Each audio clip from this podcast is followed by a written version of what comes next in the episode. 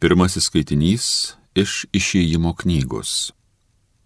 Atėjus Amalekui stoti į mūšį su izraelitais, Refidime, Moze paliepė Jozujai, išsirink vyrų ir trauk į kovą prieš Amaleką.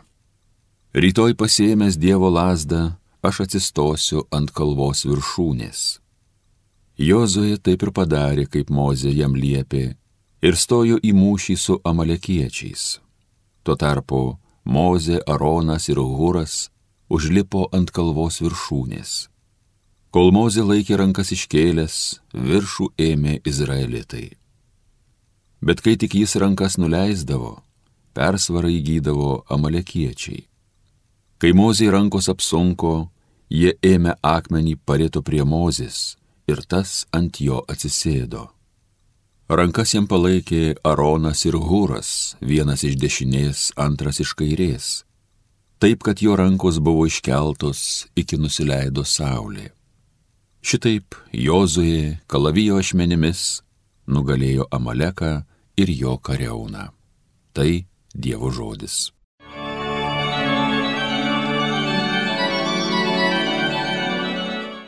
Te mums padeda viešpats dangaus ir žemės kūrėjas Mano akis pakeltos į šventąjį kalną. Iš kurgi kitur ateis man pagalba? Mums padeda viešpats, dangaus ir žemės kūrėjas. Te mums padeda viešpats, dangaus ir žemės kūrėjas. Neleis tavo kojai suklupti, jisai tavo sargas nesnaudžia, tikrai jis nesnaudžia, nemiega, jisai Izraelį globoja. Te mums padeda viešpats, dangaus ir žemės kūrėjas. Tave viešpats saugo, tave viešpats dengia, šalia tavęs stovi. Diena nepažeis tavęs saulė, naktį mėnulis. Te mums padeda viešpats, dangaus ir žemės kūrėjas. Tave viešpats gelbės nuo visokių nelaimių, jis sergės tavo gyvybę, globos ir išeinant ir grįžtant, dabar ir per amžius. Te mums padeda viešpats dangaus ir žemės kūrėjas.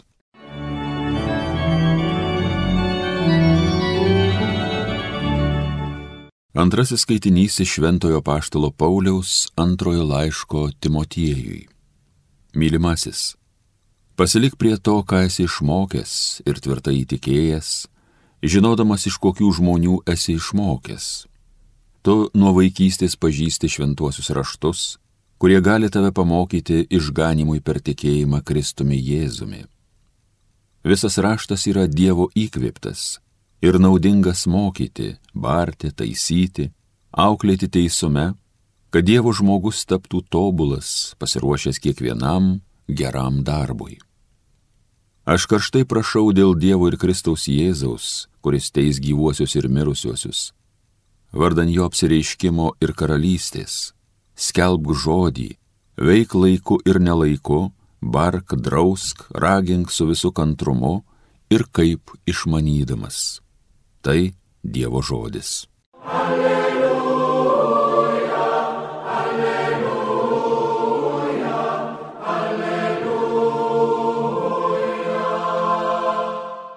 Dievo žodis yra gyvas, veiksmingas jis teisė širdies sumanimus bei mintis. Alleluja, alleluja, alleluja. Viešpas su jumis. Pasiklausykite šventosios Evangelijos pagal Luką. Jėzus pasakė savo mokiniams palyginimą, kaip reikia visuomet melstis ir nepaliauti. Jis pradėjo, viename mieste gyveno teisėjas, kuris nebijojo Dievo ir nesidrovėjo žmonių. Tame pačiame mieste gyveno ir našlė, kuri vis eidavo pas jį ir prašydavo, apgink mane nuo skriaudiko. Jis ilgai spyrėsi, bet pagaliau tarė savo, nors aš Dievo nebijau, nei žmonių nesidroviu. Vis dėlto, kai šita našlė tokia įkyri, imsiu ir apginsiu jos teises, kad ko gero ji manęs neapkultų. Ir viešpas pridūrė, Įsidėmėkite, ką pasakė tas nesažiningas teisėjas.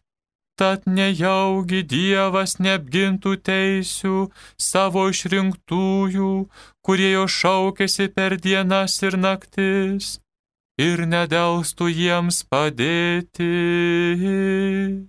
Aš sakau jums, netrukus jis apgins jų teisės.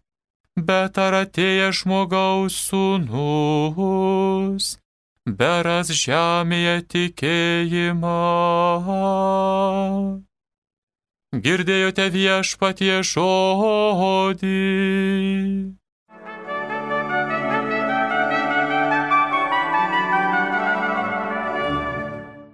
Mėly Marijos radio klausytojai, kaip įtikinamai, kaip karštai Dievo žodis šiandien mus moko melstis. Juk mums visiems yra pavyzdys ir mozė iškėlęs rankas visą dieną besimeldžiantis. Ir ta įkyri našlė, maldaujanti pagalbos. Bet sakysite, sakysite, brangieji, Kam čia kalbėti apie tai, kokia turi būti malda, jei daugam šiandien atrodo, kad malda iš viso nebereikalinga. Juk daugelis žmonių niekada nebesimeldžia.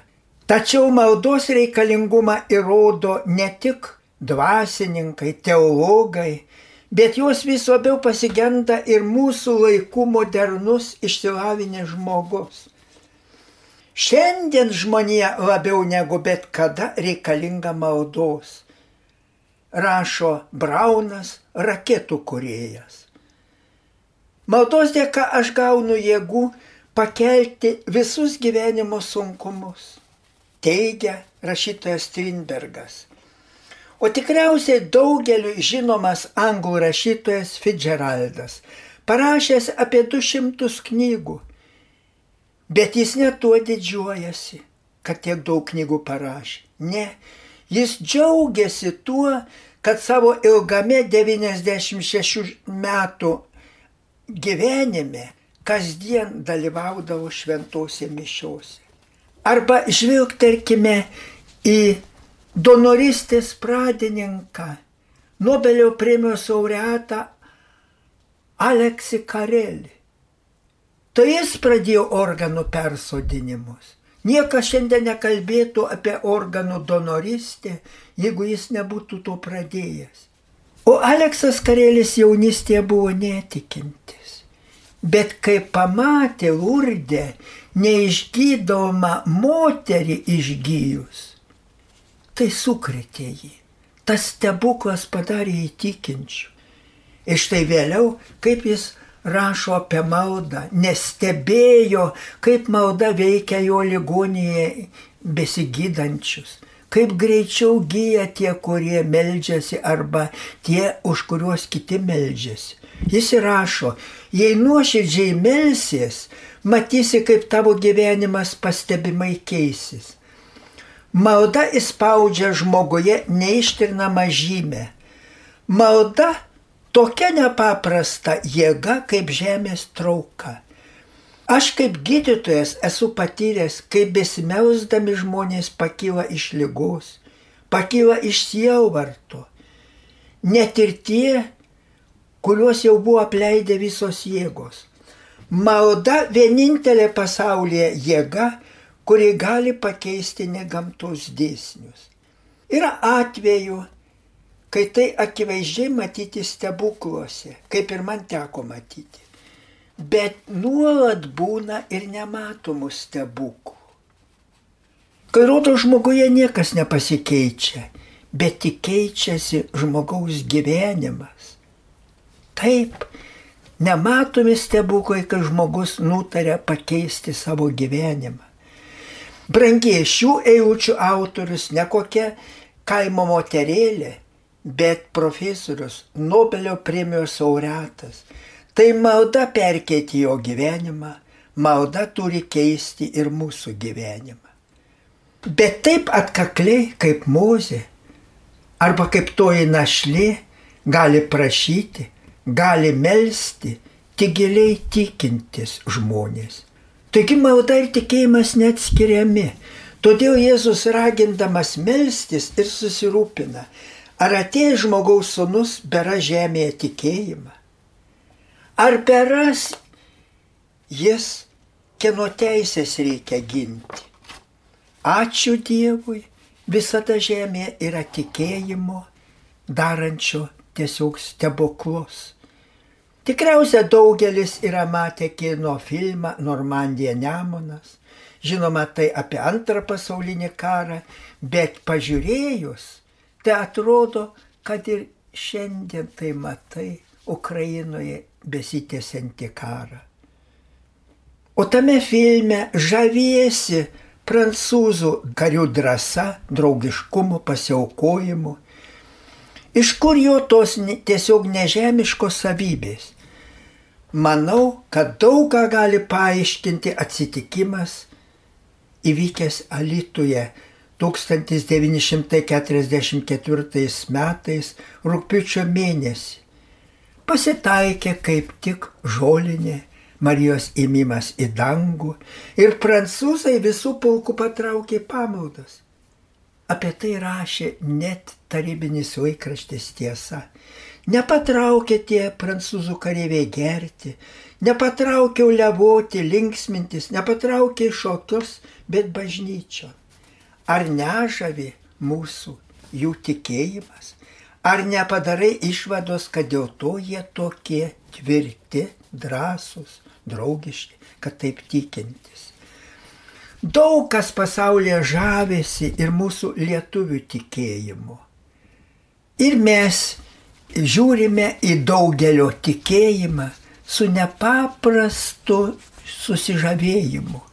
Ar gali nors vieno lietuvio nejaudinti Maironio žodžiai apie lietuvių tikėjimą, apie to tikėjimo tvirtumą, apie lietuvių maldos karštumą?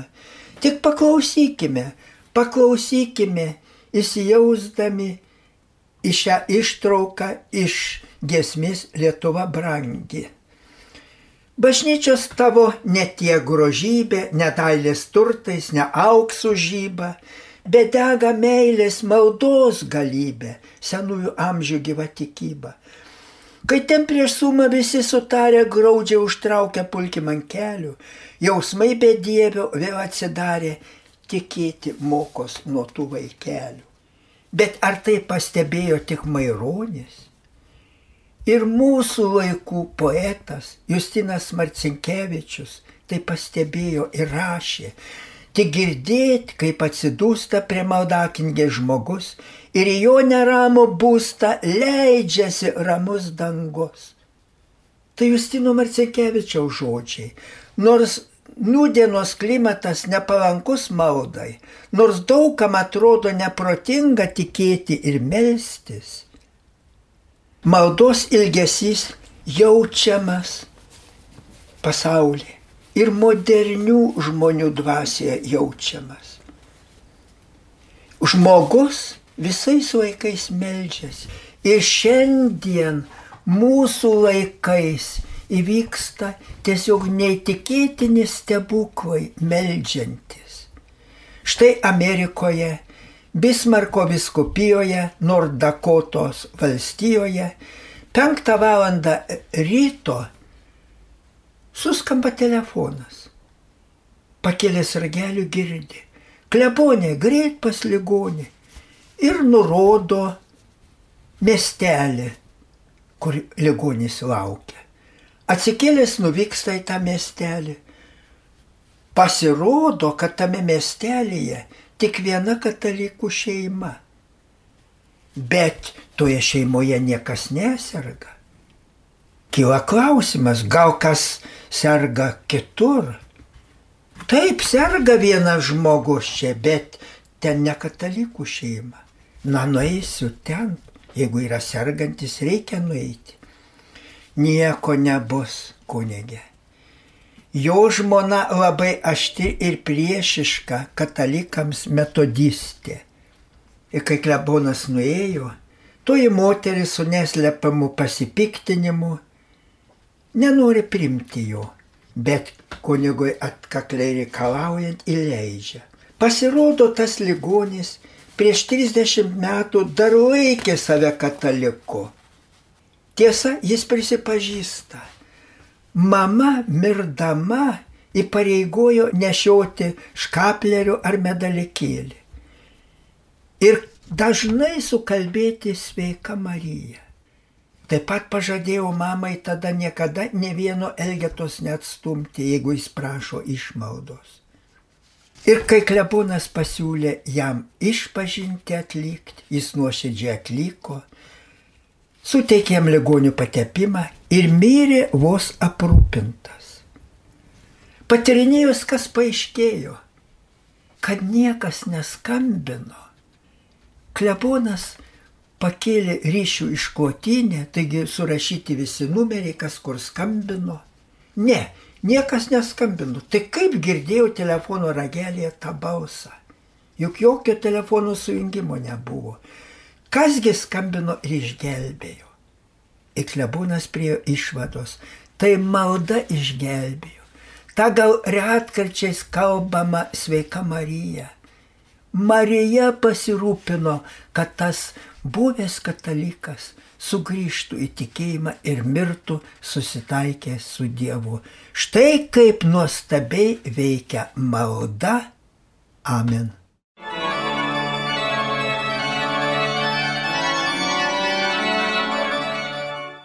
Evangeliją gėdojo kunigas daktaras Vilius Sikorskas. Homilyje sakė Panevežio vyskupas emeritas Jonas Kauneckas.